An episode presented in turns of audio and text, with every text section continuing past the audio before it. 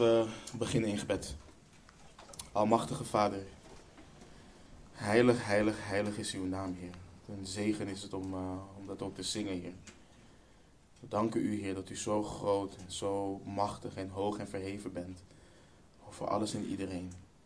We danken u, Heer, dat we u zo mogen aanbidden en dat we dat ook nu mogen doen door uw woord in te gaan, Heer. Wilt u en ieder van ons leiden, Heer? Wilt u mij leiden in de verkondiging? Wilt u uh, ons ook leiden in het ontvangen, het horen, het luisteren naar uw woord, Heer? En wilt u ons, zoals Ser vanochtend ook bad, Heer, dat we niet alleen hoorders zijn van, van uw woord, maar ook daders, Heer. Heer, we houden van u. We bidden dat u iedere vorm van afleiding bij ons vandaan neemt. En dat we in alle zachtmoedigheid uw woord ontvangen. We bidden en we vragen in de machtige naam van Jezus Christus, onze Heer. Amen. We bevinden ons nog slechts enkele weken in, uh, in deze serie. Ik hoop uh, dat jullie net zo gezegend uh, zijn als ik gezegend ben door, door wat de Heer heeft laten zien. de afgelopen zijn al 18 weken, dus 19e week dat we in de serie in Sterk Huis zitten. Het huwelijk, de rol van man en vrouw, waartoe het huwelijk is. Het is zo'n zegen om daarbij stil te staan um, en te weten ook hoe we in deze aspecten van onze geloofswandel uh, volledig afhankelijk zijn van de Heere God. Nou, de komende weken wil ik met jullie kijken naar, naar ouderschap, naar het opvoeden van, van kinderen, van onze kinderen. En vandaag is mijn focus, focus vooral op, op de ouders. En zie dit vandaag als een introductie. en de komende weken gaan we het verder, verder uitwerken. maar vandaag wil ik met jullie gewoon de basis uitwerken. Gewoon, gewoon wat fundamenten neerleggen. Ik, ik weet dat naast het huwelijk, en volgens mij heb ik dat ook eerder in de serie gezegd, naast het huwelijk is opvoeding een van de gevoeligste onderwerpen. Het is een van de gevoeligste onderwerpen. En het gekke is, het is niet alleen zo in de wereld. Ehm, of het is, ja, het is niet alleen zo in de wereld, het is ook zo onder uh, beleidende discipelen van de Heer Jezus. Er zijn slechts weinig ouders die oprecht vermaning, aansporing, terechtwijzing en of bemoediging accepteren en dat ook daadwerkelijk toepassen, daar ook gelijk mee aan de slag gaan. Zoals, ik al zei, het ligt heel gevoelig, het, het komt heel dichtbij. En dit komt vaak omdat veel ouders beleiden dat ze weten dat ze hun kinderen dienen op te voeden uh, in de vrezen des Heren, maar vaak zelf bepalen hoe dat eruit ziet. Uh, ze bepalen dit meestal op basis van argumenten dat ze zelf het beste weten uh, hoe hun kind is, wat goed voor hun kind is, wat hun kind nodig heeft. En wanneer veel mensen ouders worden, dan gaan ze extra ook vaak reflecteren op de opvoeding die ze zelf hebben gehad. Uh, dan halen ze daar bijvoorbeeld de negatieve dingen van hun vader of en of moeder eruit. En zeggen dan ook dat dat wil ik niet voor mijn kinderen. En veel beleidende discipelen gaan dan de schrift in en zoeken het bijbelse antwoord op wat hun ouders vaak verkeerd hebben gedaan. Of hun ouders christen zijn uh, of niet. En waken uh, ervoor dat zij diezelfde fout niet maken bij hun eigen kinderen. Maar dan slaan ze door op andere gebieden. En uh, dan slaan ze daar ook de plank mis. Of gaan naar andere extremen. Dus hebben ze een strenge opvoeding gehad. Wat zie je dan vaak? Dan zie je bijvoorbeeld dat Efeze 6:4 veel een sleutelvers wordt. Dus Paulus schrijft daar in Efeze 6:4 en vaders, wek geen toorn bij uw kinderen op, maar voed hen op in de onderwijzing en de terechtwijzing van de Heer. En wat zie je vaak? Vaak is het eerste gedeelte, wek geen toorn bij je kinderen op, dat wordt de sleutel. Terwijl het een, een, een, een langer vers is natuurlijk. Maar wat doen ze dan? Ervoor zorgen dat ze niets doen. Niets doen. Dus vaak ook niet hun kinderen corrigeren. Omdat ze geen toorn willen opwekken bij hun kinderen. Dus dat is bijvoorbeeld als je een strenge opvoeding hebt gehad. Hebben ze een vrije opvoeding gehad en zien ze dat dat ook niet in lijn was met wat de schrift leert, dan kunnen ze vaak overkritisch worden en weer te streng worden en hun kinderen alleen verdoemen en straffen. Dat is gek, hè? Wij mensen zijn mensen van extremen. We gaan of de ene kant op of de andere kant op. Nou, wat zie je in beide gevallen? Er wordt te veel gekeken vanuit de mens. Het is geen opvoeding vanuit de geest, ook al roepen ze met versen en onderbouwen ze alles wat ze doen aan de hand van de schrift. Dat komt vaak vanuit het vlees. De wil van de Heere God, en dat is zo belangrijk voor ons om te beseffen. De wil van de Heere God is niet dat je niet als je ouders wordt. Het is niet dat hij simpelweg wil dat je het beter of iets beter doet dan je ouders dat hebben gedaan. Nee, de wil van de Heere God is om jou te vormen naar het evenbeeld van zijn zoon. Om jou te heiligen en dat je onder leiding van de Heilige Geest zo wandelt en jouw kinderen opvoedt. Dat, is, dat, is, dat moeten we voor ogen houden. Maar wat ga ik niet doen in deze serie en in deze studie? Ik ga het niet hebben over. Moeten je kinderen wel of niet telefoons krijgen? Daar, daar gaan we het niet over hebben. Ik ga het niet hebben over wel of geen tv kijken en al dat soort dingen. We gaan kijken naar onze Heer Jezus Christus. We gaan kijken naar onze rol als ouders in Hem. We gaan kijken naar wat zegt de Heer. Um, en wanneer je daar een helder beeld over hebt, wanneer je duidelijk weet hoe de Heere God naar kinderen kijkt, wat Hij jou opdraagt om te doen als ouder, dan ga je zelf de wijsheid kunnen toepassen op zaken als mobiele telefonie, op zaken als televisie, etc. En ik wil bijvoorbeeld dit zeggen, broeders en zusters. Jullie kinderen, onze kinderen, moeten hun absolute noden voor de Heere Jezus Christus gaan inzien. Dat is wat ze moeten inzien. Hun absolute noden voor Hem. Dat er alleen vergeving is in Hem. En dat ze dat nodig hebben. Petrus predikt, zegt in Handelingen 4, vers 12. Hij, hij zegt, en de zaligheid is in geen ander. Want er is onder de hemel geen andere naam onder de mensen gegeven, waardoor wij zalig moeten worden. Hoor goed wat Petrus zegt. In niemand anders is er zaligheid. Nergens anders. Er is maar één naam. Er is één naam die de mensen kunnen aanroepen. Maar één. Jezus Christus uit Nazareth. God heeft hem gegeven. In hem is het leven. Hij is het lam van God dat de zonde van de wereld wegneemt. Wie in hem gelooft, wordt niet veroordeeld. Wie hem ongehoorzaam is, de toorn van God blijft op hem. Dat is wat Petrus ons duidelijk maakt. En Petrus zegt ook: mensen moeten zalig worden. Dit is noodzaak. Dus onze kinderen dienen hun absolute noodzaak voor verlossing in te zien. Dat is wat ik jullie wil en ga meegeven. En ik heb geen kant-en-klare oplossingen. Ik heb geen praktische quick fixes voor je kinderen die ongehoorzaam zijn of opstandig zijn of noem maar op. Kijk, kinderen opvoeden is geen kwestie van patronen en afvinklijstjes. Het is een kwestie van het hart. Van zowel de ouder als van het kind. Of van de kinderen. En ik wil jullie waarschuwen. Ik ga dingen zeggen wellicht die hard aankomen. Ik wil jullie vragen om niet te rebelleren in jullie hart. Ik wil jullie oproepen om te dealen met deze dingen zoals we ze zien staan in de schrift. Dit gaat over de eeuwigheid.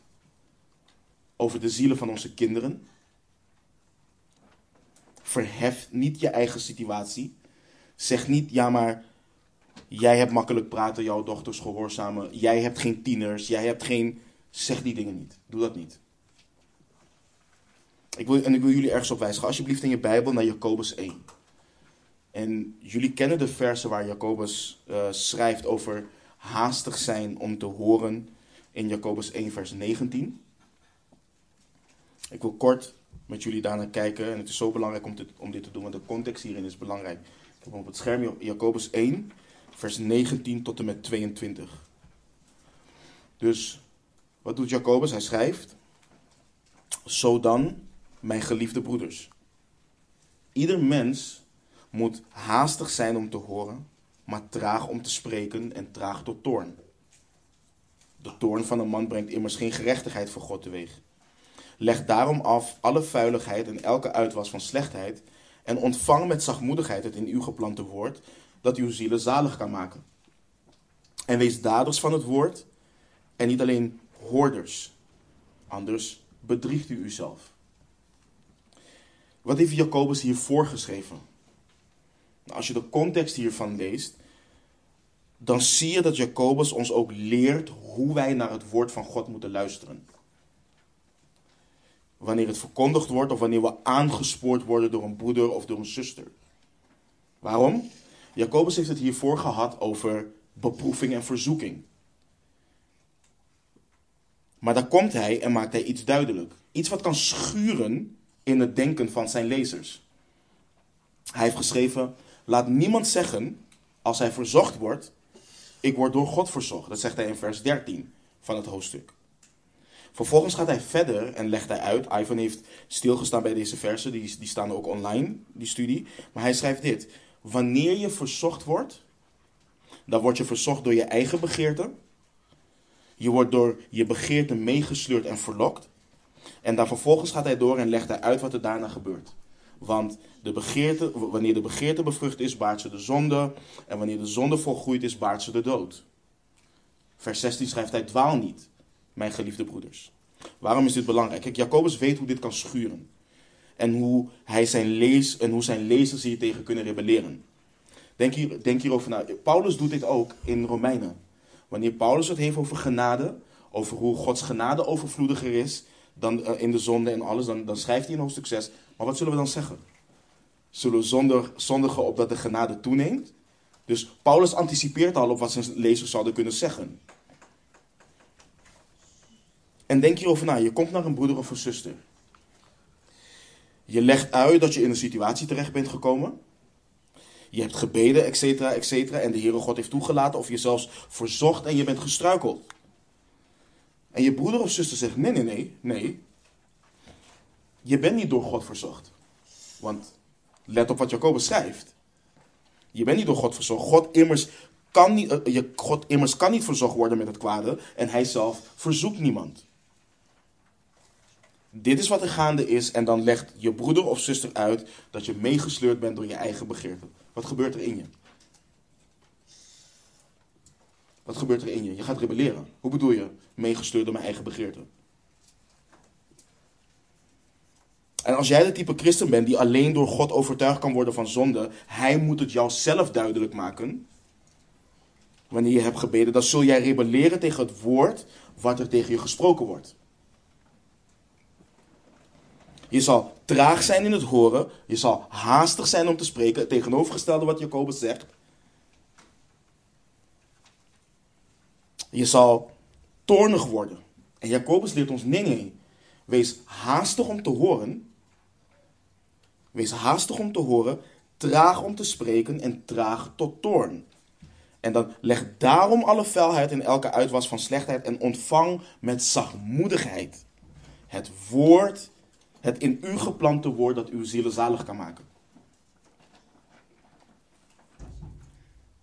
En dat wil ik jullie ook meegeven. Het gaat dichtbij komen met ouderschap. En je denken gaat wellicht hernieuwd moeten worden in hoe je naar je kind of je kinderen kijkt. En hoe je naar jezelf kijkt als ouder. En je gaat je op veel vlakken moeten bekeren. Maar dat is de wil van de Heer. Dat is de wil van de Heer. God houdt van je. Zijn wil is goed. Zijn wil is volmaakt. En als wij in zachtmoedigheid aannemen wat hij in en door zijn woord zegt, is dat goed voor ons. Dat is goed voor onze zielen.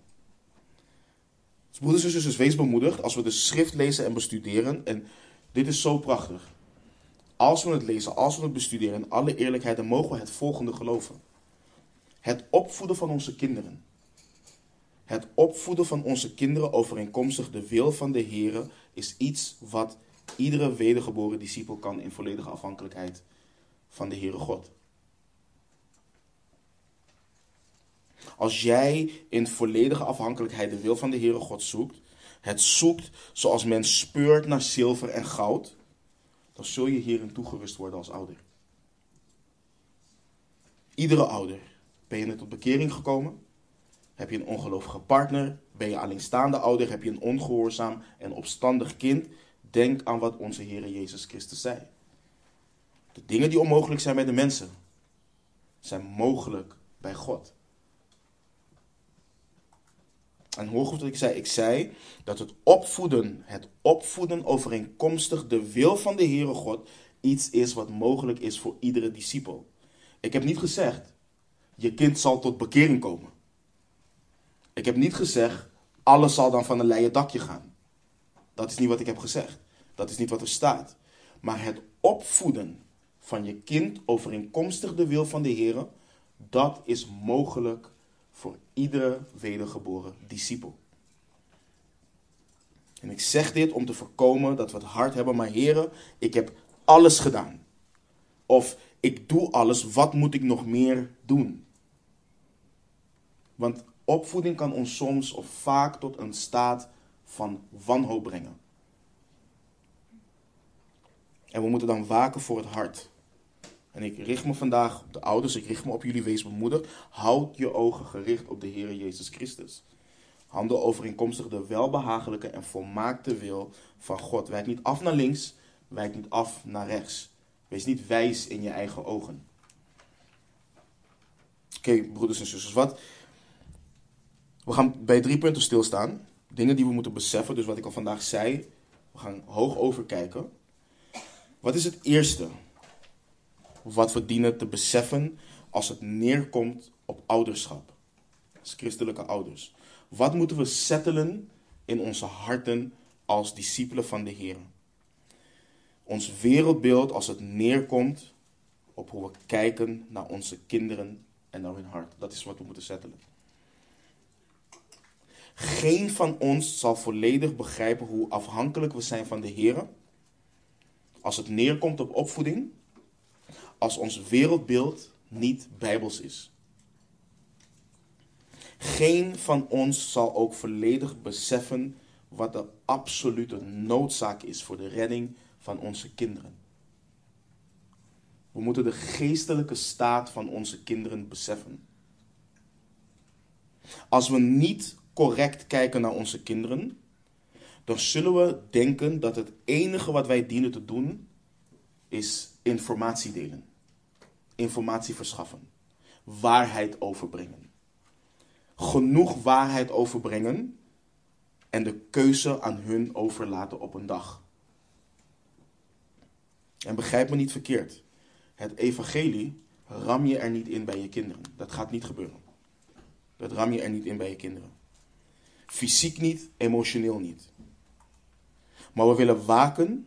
We moeten willen waken voor de gedachte. Ja, ik wil God niet forceren op mijn kinderen. En ze de ruimte geven om zelf te ontdekken wanneer ze daar interesse in hebben. Die ruimte heeft God je niet gegeven. God heeft je die ruimte niet gegeven. Of je hebt deze ook wel. Ik ben bang dat als ik maar iets te hard overkom, ze een afkeer krijgen van God en ik het kind of de kinderen juist verder van God afduw. Die gedachten zie je ook niet in de Bijbel. Het is het handelen vanuit de veronderstelling, vanuit deze veronderstellingen, wat ons verlamt als ouders, wat ons niet onze bijbelse taak doet oppakken en wat onze kinderen de afgrond in kunnen, uh, op kunnen duwen. Begrijp me niet verkeerd. Redding is het soevereine werk van God. Maar spreken, denken, handelen vanuit deze veronderstellingen is niet bijbels. Het is niet bijbels. Dus broeders en zusters, wat is er nodig? We moeten de geestelijke staat van onze kinderen inzien en begrijpen. Als jouw kind niet wedergeboren is, dan neigt jouw kind naar het kwaad. Je kind neigt naar het kwaad. Dan is jouw kind al ver van God. Je duwt je kind niet weg. Je maakt je kind geen vijand van God. Het is het al. Het is het al. Allen die niet levend gemaakt zijn met Jezus Christus, zijn dood door de overtredingen en de zonden. Ik weet, dit is een bittere pil om te slikken als het gaat over onze kinderen. Let op wat Paulus schrijft in Efeze 2, vers 1 tot en met 3.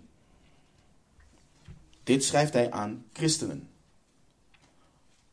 Ook u heeft hij met hem levend gemaakt. U die dood was door de overtredingen en de zonde, waarin u voorheen gewandeld hebt, overeenkomstig de leefwijze van deze wereld, overeenkomstig de wil van de aanvoerder van de, van de macht in de lucht, van de geest die nu werkzaam is in de kinderen van de ongehoorzaamheid, onder wie ook wij allen voorheen verkeerden, in de begeerte van ons vlees, door de wil van het vlees en de gedachten te doen. En wij waren van nature, let op wat Paulus schrijft, wij waren van nature kinderen des toorns, evenals de anderen.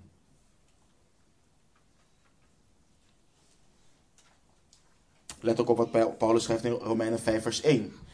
Wij dan, christenen, gerechtvaardigd uit het geloof, hebben vrede bij God door onze Heer Jezus Christus. Weet je nog hoe schattig dat kindje was toen je hem of haar voor het eerst in je handen had? Om op te eten, om plat te knuffelen. Ze waren zo schattig dat je ze continu in die bolle wangen wilde knijpen tot het blauw werd. Zo schattig waren ze. Maar wat is er veranderd? Wat is, het, wat is er nu? Wat is er dat je nu niet naar ze kunt kijken en denken: ze zijn niet meer schattig? Want ze hebben heel vaak nog schattige momenten. Maar wat je ziet nu die waas van de eerste periode voorbij is, het hart. Dat is wat je nu ziet. Het hart. Het hart is niet veranderd. De zonde in het hart manifesteert zich steeds meer. Dat is wat je ziet. Broeders en zusters, Paulus schrijft aan de Romeinen in Romeinen 3, versen die we kennen, vers 10 tot en met 18. Let op wat hij schrijft. Zoals geschreven staat, er is niemand rechtvaardig, ook niet één. Er is niemand die verstandig is. Er is niemand die God zoekt. Allen zijn zij afgedwaald, samen zijn zij, nutteloos geworden. Er is niemand die goed doet, er is zelfs niet één. Hun keel is een open graf, met hun tong plegen zij bedrog, addergif is onder hun lippen, hun mond is vol vervloeking en bitterheid. Hun voeten zijn snel om bloed te vergieten, vernieling en ellende is op hun wegen, en de weg van de vrede hebben zij niet gekend. De vreze Gods staat hun niet voor ogen. In vers 23 van hetzelfde hoofdstuk. Want allen hebben gezondigd en missen de heerlijkheid van God.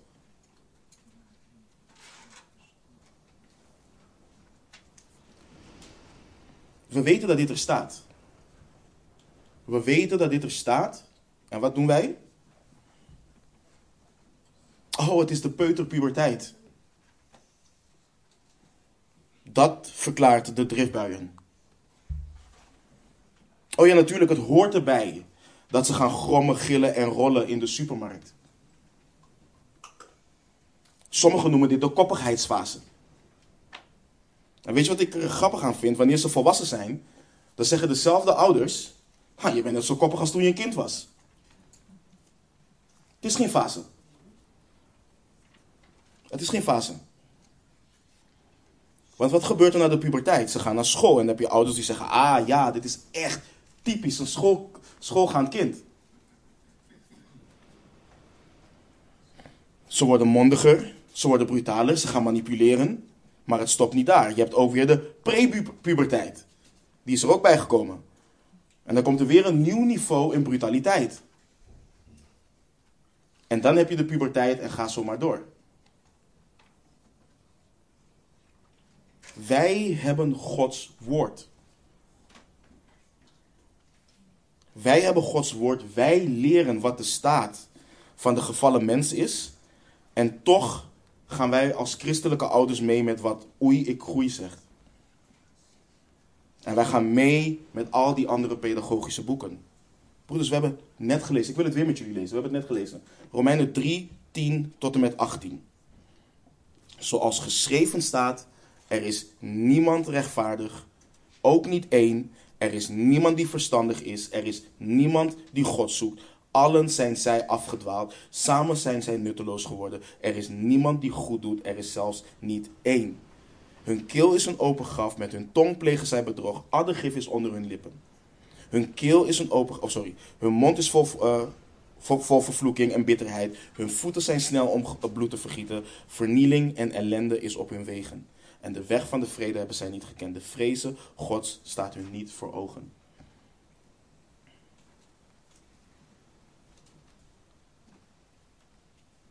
Als mensen niet uit genade zalig gemaakt worden, uit het geloof in Jezus Christus, dan leven ze naar het vlees. En we moeten inzien hoe serieus dit is.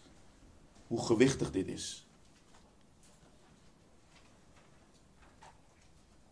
Nou moeten we niet naar onze kinderen kijken en als ze kijken en zien een, een homp blok zonde zien. Dat is niet wat de schrift ons leert. We moeten onze kinderen gewoon lief hebben. Maar we moeten wel zien hoe gewichtig dit is. Want let op wat Paulus zegt tegen de mensen in Athene in Handelingen 17, versen 30 en 31. Wij, wij lezen deze versen en wij denken aan alle volwassen mensen in de wereld die ongelovig zijn. Maar we kijken niet dat deze versen ook gelden gewoon voor de staat van alle mensen. God dan verkondigt, Handelingen 17, vers 30, 31. God dan verkondigt met voorbijzien van de tijden van de onwetendheid, nu overal. Aan wie? Aan alle mensen.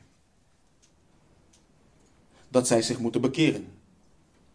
En wel omdat hij een dag vastgesteld heeft waarop hij de wereld rechtvaardig zal oordelen door een man die hij daartoe aangesteld heeft. Daarvan heeft hij aan allen het bewijs geleverd door hem uit de doden te doen opstaan.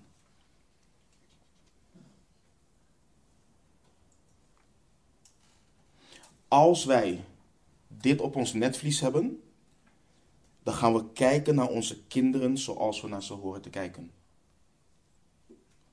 We gaan kijken naar het hart waar het gedrag uit voortvloeit. En dit is zo belangrijk om te zien en onthoud wat ik zeg. Het hart waar het gedrag uit voortvloeit. Want christenen maken vaak de fout door te zeggen: ik kijk niet naar gedrag, ik kijk naar het hart. Dat is christelijke pedagogiek. Je moet naar het gedrag kijken, want het gedrag laat zien wat er in het hart leeft.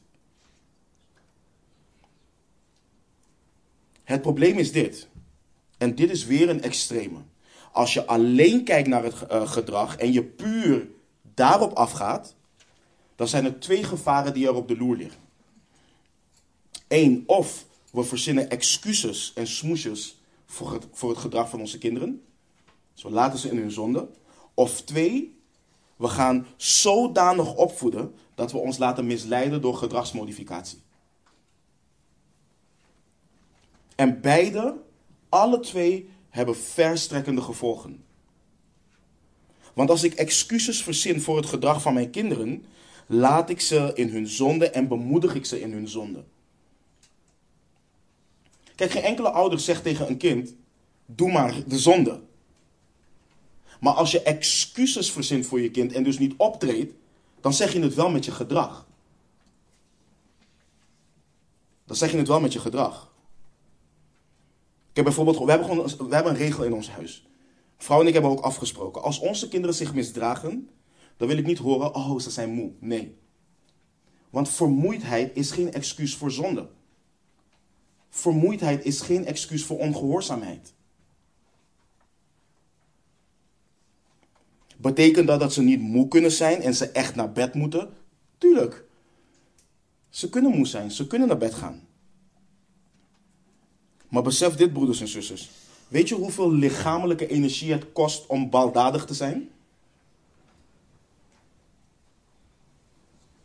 Zo moe ben je dan niet. En als je dit een keer toelaat, gaan je kinderen zien: hé, hey, wacht even. Met dit gedrag krijg ik X, Y, Z voor elkaar. En dan gaat het van kwaad tot erger. Dus dit krijg je wanneer je excuses verzint voor het gedrag van je kinderen. Nou, wat krijg je wanneer je gaat opvoeden voor gedragsmodificatie? Gedragsmodificatie kan ervoor zorgen, of gaat ervoor zorgen, dat kinderen de dingen doen die we willen dat ze doen, omdat ze bang zijn voor straf, maar het hart blijft nog steeds van steen en rebelleert nog steeds tegen het gezag van de ouder. Gedragsmodificatie onderschikt zich alleen omwille van mogelijke consequenties en gevolgen en niet vanuit de wijsheid van de ouders en eerbiedig ontzag voor hun ouders. Volgens mij heb ik dit verhaal eerder verteld. Ik las een verhaal van een vader die met een kind in de auto was en dat kind plaatste de hele tijd haar voeten op het dashboard. Die vader waarschuwt haar herhaaldelijk: haal je voeten van het dashboard. Het kind blijft het doen, blijft het doen. Op een gegeven moment is die vader er klaar mee en waarschuwt haar de laatste keer. En dan haalt ze haar voeten, haar voeten eraf, want ze is boos. Maar dan kijkt ze haar vader aan en zegt ze: In mijn hoofd heb ik nog steeds mijn voeten op het dashboard. Dat is gedragsmodificatie. Dat is gedragsmodificatie. Dat kind heeft geen eerbiedig ontzag voor haar vader en het enige wat ze vreest is straf. Maar in haar hart doet ze nog steeds wat ze zelf wilt.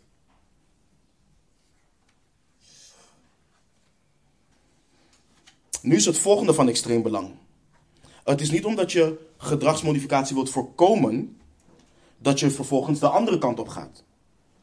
Dat je tot een ander extreem gaat en dat is de zonde niet bestraffen en dus een kind niet disciplineren. Een kind moet gedisciplineerd worden. De schrift leert ons dat.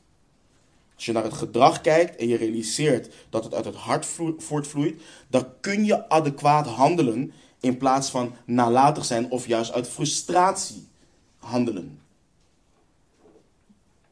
Vergeet niet wat onze Heer Jezus zei. Hij leert ons om naar het hart te kijken. Maar hij leert ons om te zien dat het gedrag voortvloeit uit het hart. Wat zegt hij in Matthäus 15, vers 19? Want uit het hart komen voort kwaadaardige overwegingen, alle moord, overspel, ontucht, diefstal, valse getuigenissen, lasteringen. Zij zegt, kijk je naar dat gedrag? Dat komt niet zomaar uit de lucht vallen, dat komt uit het hart. Dat is wat hij zegt.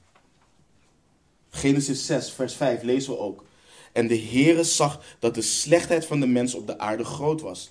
En dat al de gedachtenspinsels van zijn hart elke dag alleen maar slecht waren.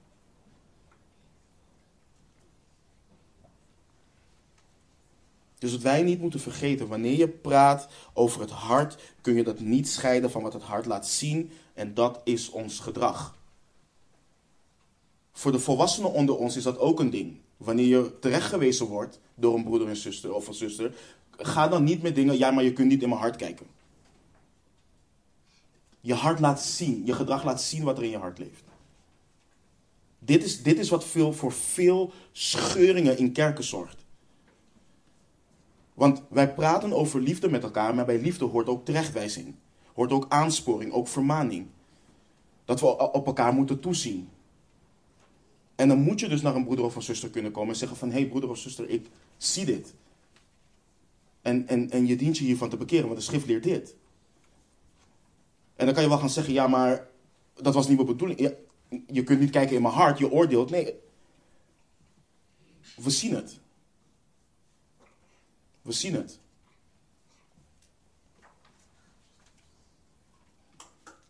Onze daden laten simpelweg zien wat de staat van ons hart is. En dat geldt ook voor onze kinderen.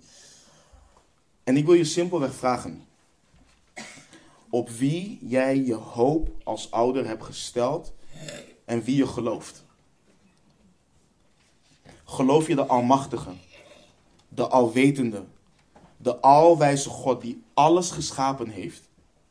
De God die de kenner van harten is? Of geloof je de pedagogen van deze wereld?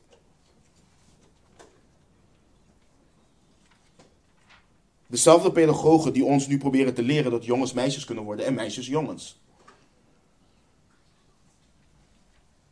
Dezelfde pedagogen die ons leren dat je je kinderen in de puberteit gewoon los moet laten.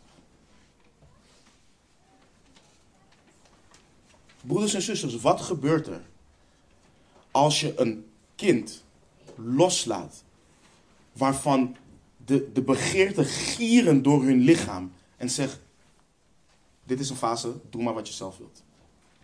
Wat denk je dat er gebeurt? Dat het kind naar God rent? Alles behalve dat. Dus wie geloof je?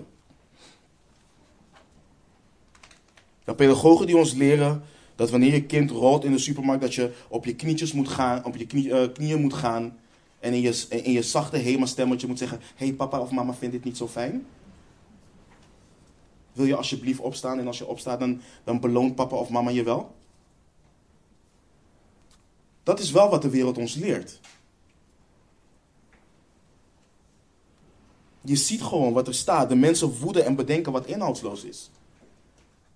Dit is filosofie. Dit zijn inhoudsloze verleidingen. En het is volgens de overlevering van de mensen van de wereld, niet volgens Christus. Onze kinderen hebben Jezus Christus nodig. Ze hebben verlossing nodig. De dwaasheid die ze veelal tonen in hun ongelovige staat komt door hun gevallen natuur en laat hun hart zien. En broeders en zusters, begrijp, begrijp dit. Als jij vindt dat zodra je kind zich misdraagt en je denkt dat het komt door vermoeidheid en je ze naar bed brengt, dat is geen zonde. Dat is niet de issue. Begrijp me niet verkeerd. Voor hetzelfde geld breng je je kind iedere dag vroeg naar bed. Dat, daar gaat het niet om. Waar het om gaat is dit: dat je het niet uit het oog verliest wat dat gedrag laat zien. Dat is wat je niet uit het oog moet zien. Ze moeten opnieuw geboren worden. En dit volgende is voor een andere studie, maar ook wanneer ze opnieuw geboren zijn, op jonge leeftijd, heb je nog steeds te maken met bepaalde vormen van dwaasheid. Ook daar moet je rekening mee houden. Want gedragen wij ons als wedergeboren volwassen christenen ook niet vaak nog dwaas? Dus dat moet je ook leren scheiden van elkaar. Zonder gedrag en gedrag wat simpelweg kinds is. Maar nogmaals, dat is een andere studie. Dus onze kinderen moeten opnieuw geboren worden. Wij moeten de geestelijke staat van onze kinderen inzien en erkennen. Wat is nog meer fundamenteel voor onze ouders? Weten wat de wil van de Heere God is met onze kinderen.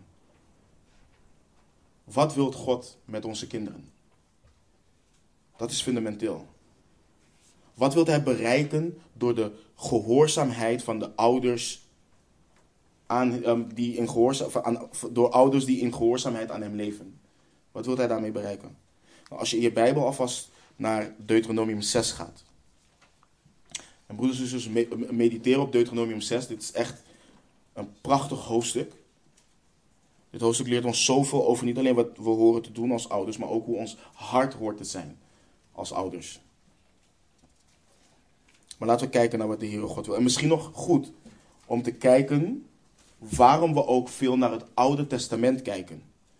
Als het hierop neerkomt. Dus hou je vinger alsjeblieft bij Deuteronomium 6. Maar ga in de tussentijd naar Romeinen 15. Als je een fysieke Bijbel hebt. Dus hou je vinger op Deuteronomium 6, want we komen daar terug. Maar ga in je Bijbel naar Romeinen 15. Ik heb hem ook op het scherm. Paulus schrijft. Want alles wat eertijds geschreven is, is tot onze onderwijzing eerder geschreven opdat, wij in de weg van volharding en vertroosting door de schriften de hoop zouden behouden.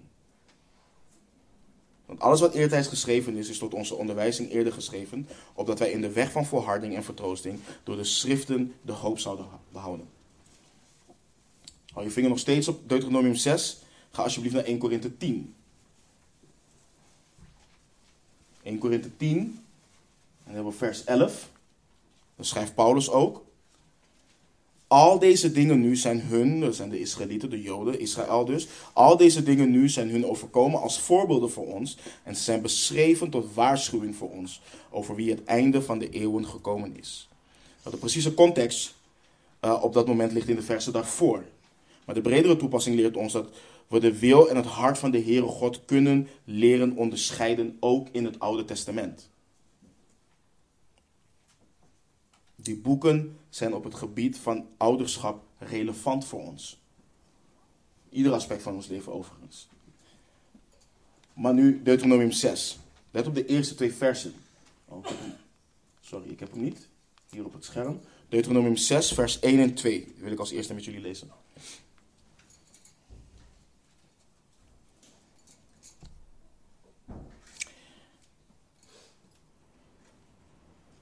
We lezen: Dit zijn de geboden, de verordeningen en de bepalingen die de Heere uw God geboden heeft u te leren, om ze te doen in het land waar u naartoe trekt om het in bezit te nemen. Let op vers 2. Waarom? Opdat u de Heere God, opdat u de Heere uw God vreest door al zijn verordeningen en zijn geboden die ik u gebied in acht te nemen. U, uw kind en uw kleinkind, alle dagen van uw leven en opdat uw dagen verlengd worden. U, uw kind en uw kleinkind. Als je nu in Deuteronomium verder gaat naar hoofdstuk 31,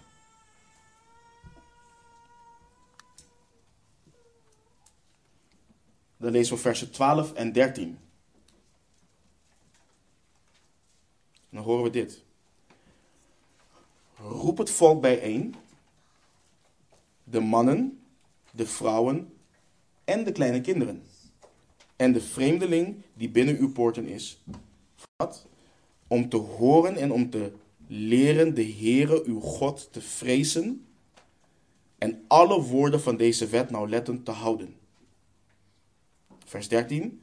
Zodat hun kinderen die het niet weten, het ook horen en leren de Heere uw God te vrezen al de dagen dat u leeft in het land waarvoor u de Jordaan oversteekt om het in bezit te nemen. Dus wat, wat, wat, wat zien we? Wat leren we? De Heere God wil dat onze kinderen Hem vrezen. Dat ze eerbiedig ontzag voor Hem hebben. Dat ze leren dat Hij heilig is. Dat Hij rechtvaardig is. Dat Hij toornig is op de zonde. Dat Hij de zonde haat. En dat de goddeloze niet zal blijven staan op de laatste dag. Maar hij wil ook dat ze leren dat hij liefde is. En dat hij genadig is. Dat hij barmhartig is en dat hij een manier heeft geboden, een weg heeft geboden voor de goddeloze om verzoend te worden met hem.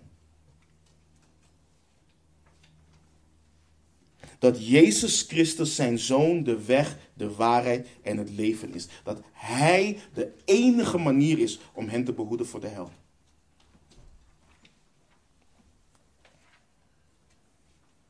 Broeders en zusters, weet dat het niet alleen praten over de heiligheid en rechtvaardigheid van de Heere God vrees brengt in het hart van het kind. Je hebt van die ouders die alleen praten over hoe heilig, hoe toornig, hoe rechtvaardig God is. En wat je doet met een kind in die staat is je laat een kind zijn of haar zonde inzien, maar je biedt geen hoop en verlossing. Het enige wat ze weten is God is toornig op mij. Maar als je leert dat God ook recht, dat hij ook heilig of um, liefde is, genadig is en geduldig is, dat hij alwetend is en almachtig is, dat is God kenbaar maken zoals hij zichzelf heeft geopenbaard. Zijn wil ook kenbaar maken. Dat is wat God wilt.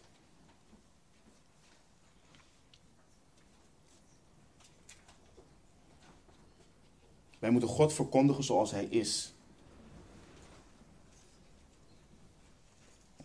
Hoe toepasselijk is de oproep van, van koning David in de psalmen? Voor ons en onze kinderen. Kom, kinderen. Luister naar mij. Ik zal jullie de vrezen des Heren leren.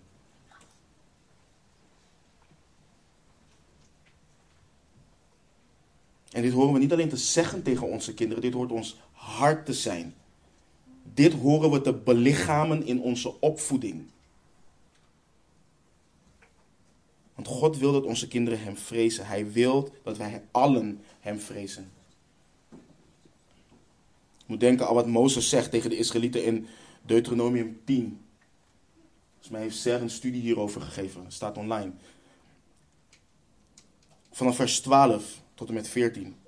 Nu dan, Israël, wat vraagt de Heere uw God van u dan de Heere uw God te vrezen? Het is bijna alsof Mozes pleit en zegt van, vraag God zoveel van jullie? in al zijn wegen te gaan, hem lief te hebben en de Heere uw God te dienen met heel uw hart en met heel uw ziel en de geboden van de Heere en zijn verordeningen die ik u heden gebied in acht te nemen, u ten goede. Zie, van de Heere uw God is de hemel, ja, de allerhoogste hemel, de aarde en alles wat erop is. Dit moeten onze kinderen leren. Dit moeten ze weten. En niet simpelweg iedere dag zeggen: hey, vrees God. Nee, in alles wat wij doen en in hoe wij leven en hoe wij onze kinderen instructies geven, dient duidelijk te zijn: God wil dat jij hem vreest. Hij wil dat jij hem kent. God is een gewichtige God. Hij is serieus.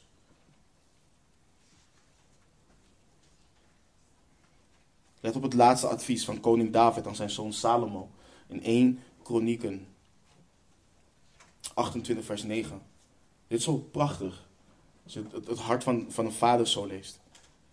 En jij, mijn zoon Salomo, ken de God van je vader. En dien hem met een volkomen hart en met een bereidwillige ziel. Want de Heere doorzoekt alle harten. En hij heeft inzicht in alle gedachtenvorming. Als je hem zoekt, zal hij door jou gevonden worden. Maar als, als je hem verlaat, sorry, zal hij je voor eeuwig verstoten. David biedt beide kanten. David zegt, als je hem zoekt, dan zal hij door jou gevonden worden. Maar als je hem verlaat, dan zal hij je voor eeuwig verstoten. Salomo David moet hem hebben geleerd hoe gewichtig dit is. Want in de wet van God leren we dat God zal oordelen over, hem, over hen die hem verlaten.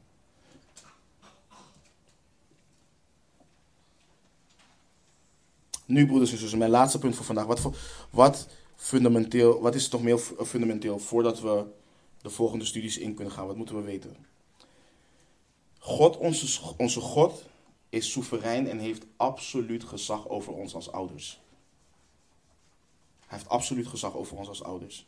Zonder hem kunnen we helemaal niets.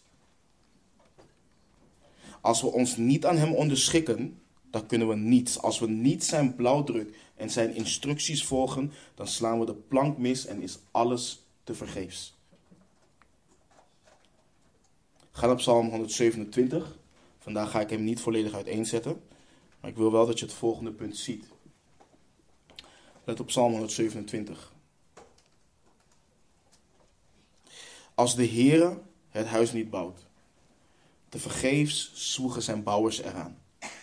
Als de Heere de stad niet bewaart, te vergeefs waakt de wachter. Het is te vergeefs dat u vroeg opstaat, laat, opblijft, laat opblijft, brood eet, waarvoor u moet zwoegen. De Heere geeft het zijn beminde in de slaap. Zie, kinderen zijn het eigendom van de Heere. De vrucht van de schoot is zijn beloning. Zoals pijlen in de hand van een held, zo zijn de zonen ontvangen in de jeugd. Welzalig de man die zijn pijlkoker daarmee gevuld heeft. Zij worden niet beschaamd als zij met de vijanden spreken in de poort. Wat zie je in vers 1? Je kunt zwoegen, je doen wat je wilt, je kunt waken, het grootste leger hebben. Het moet brengen naar ouderschap. Je kunt zoveel willen en zoveel eigen ideeën hebben. Je kunt hele systemen in check hebben en zelf bepalen wat goed voor je kind is. Je zou het Bijbels nog kunnen onderbouwen. Als de Heere God het huis niet bouwt, als Hij niet degene is die heerst in jouw huis, als Hij niet de leiding heeft, als jij Hem niet volgt, dan is alles wat je doet te vergeefs. Alles wat je doet te vergeefs. Daarom gaan we in deze serie ook verder naar het hart op het gebied van ouderschap. Bijvoorbeeld, je kunt opvoeden, je kunt kinderen corrigeren uit schaamte, omdat een, kinder, omdat een kind iets doet waarvoor je schaamte krijgt. Dus dan ga je dat kind daarom straffen. Niet omdat het zonde is, maar omdat je het gewoon niet fijn vindt. Dus je, kunt, je hebt allerlei motieven waarom je een kind straft.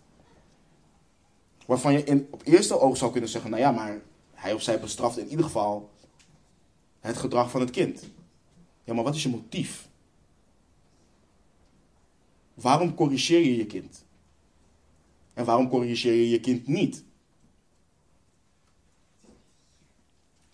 Als hij niet de leiding heeft, dan is alles wat je doet te vergeefs. Te vergeefs. En dan maakt het helemaal niet uit. En broeders en zussen, dit houdt niet in dat we passief zijn. Het is niet, oh heren, u moet het allemaal doen en ik doe niets. Het is niet hier, alstublieft, hier is mijn kind. Nee, hij geeft ons geboden. Geboden die wij als ouders dienen te gehoorzamen. Wat wij dienen te beseffen is dat die geboden waarlijk zijn wil zijn en dat ze niet vrijblijvend zijn. Het zijn geen suggesties. Gods woord heeft gezag over ons. En wat hij ons leert over het zijn van een ouder, wat hij ons leert over het disciplineren van onze kinderen, dat zijn zijn geboden. Dit is het onfeilbare, toereikende en gezaghebbende woord van God. Ook op het gebied van ouderschap. En wij moeten daarmee dealen, broeders en zusters. Je kunt niet denken dat de Heere God bijvoorbeeld de Israëlieten leert dat zij hun kinderen het woord van God dienen in te prenten. Dat jij denkt, ja maar mijn kind kan X, Y, Z niet. Dus ik doe dat op mijn manier. Of mijn kind is X, Y, Z, dus ik doe het op mijn manier. Als je Deuteronomium leest, dan zie je dat Mozes nergens twijfelt aan of de ouders dit kunnen.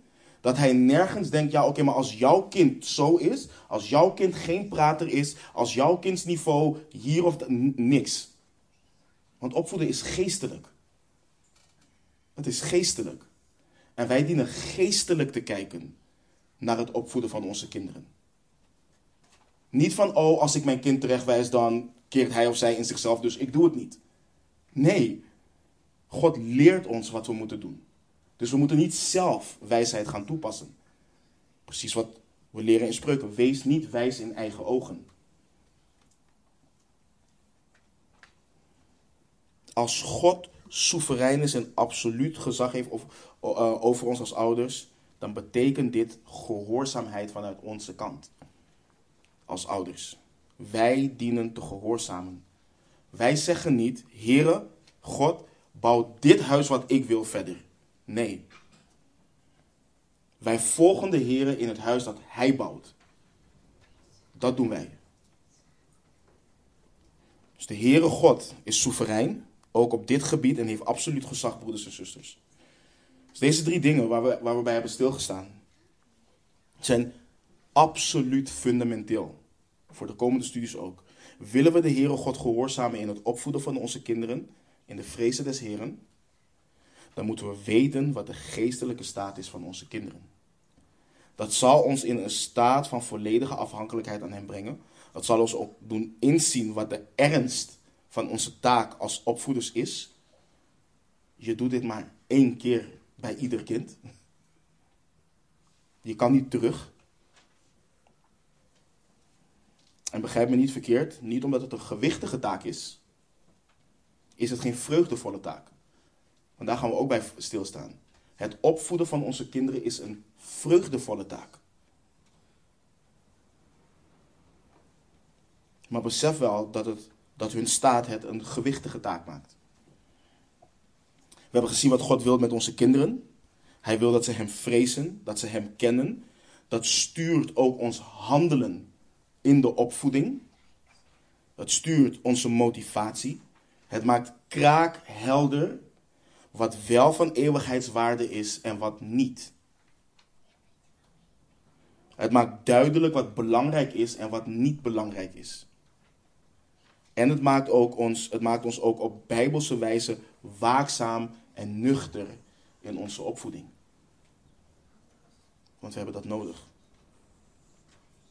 We hebben gezien dat God soeverein is en dat Hij absoluut gezag heeft. Dat vereist onze gehoorzaamheid.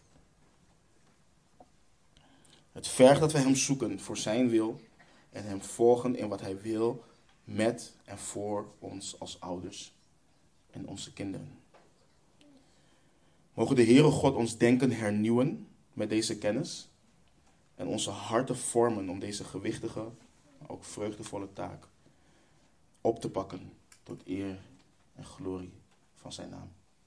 Amen. Laten we bidden. Almachtige Vader. Heer, wat, wat een zegen is het om u Vader te kunnen noemen. Heer, dat u ons opvoedt, de gerechtigheid, dat u ons onderwijst. En dat u ons toerust ook, Heer, om te doen waartoe u ons als ouders geroepen hebt. Help ons alstublieft, Heer.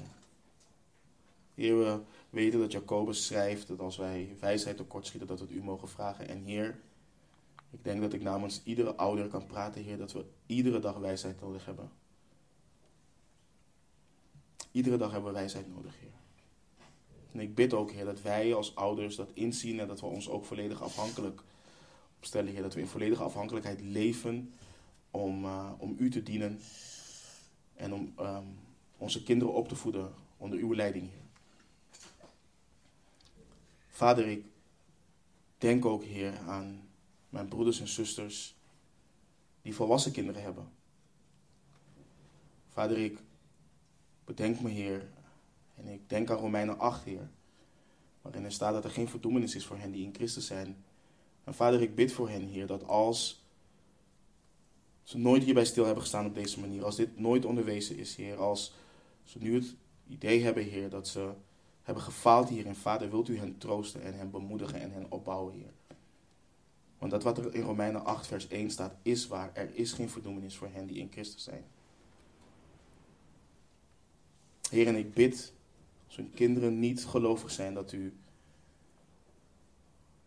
dat u wat u door hen heen hebt gedaan, Heer, dat u dat ten goede gebruikt, Heer, en dat ze de weg vinden naar onze Heer Jezus Christus. En dat de ouders nu ook als getuigen kunnen leven voor hun volwassen kinderen. En met vrijmoedigheid kunnen evangeliseren en delen hoe goed u bent, Heer. Vader, alles ligt in uw handen, Heer. Niet alleen bij de volwassen kinderen, ook bij ons die jonge kinderen hebben. Nogmaals, help ons, leid ons alstublieft, Heer. En zonder u kunnen we dit niet, Heer. We bidden voor onze kinderen. Mogen zij inzien, Heer, dat u een weg hebt geboden om hen te trekken uit duisternis. En mogen ze zien, Vader, dat eeuwige verdoemenis, dat de hel, Heer, dat dat geen. Heer, dat ze daarvan behouden moeten worden. Help ze om dat in te zien, Heer. Dat ze zalig moeten worden. We houden van u. We danken u. We bidden in de machtige naam van onze Heer Jezus Christus. Amen.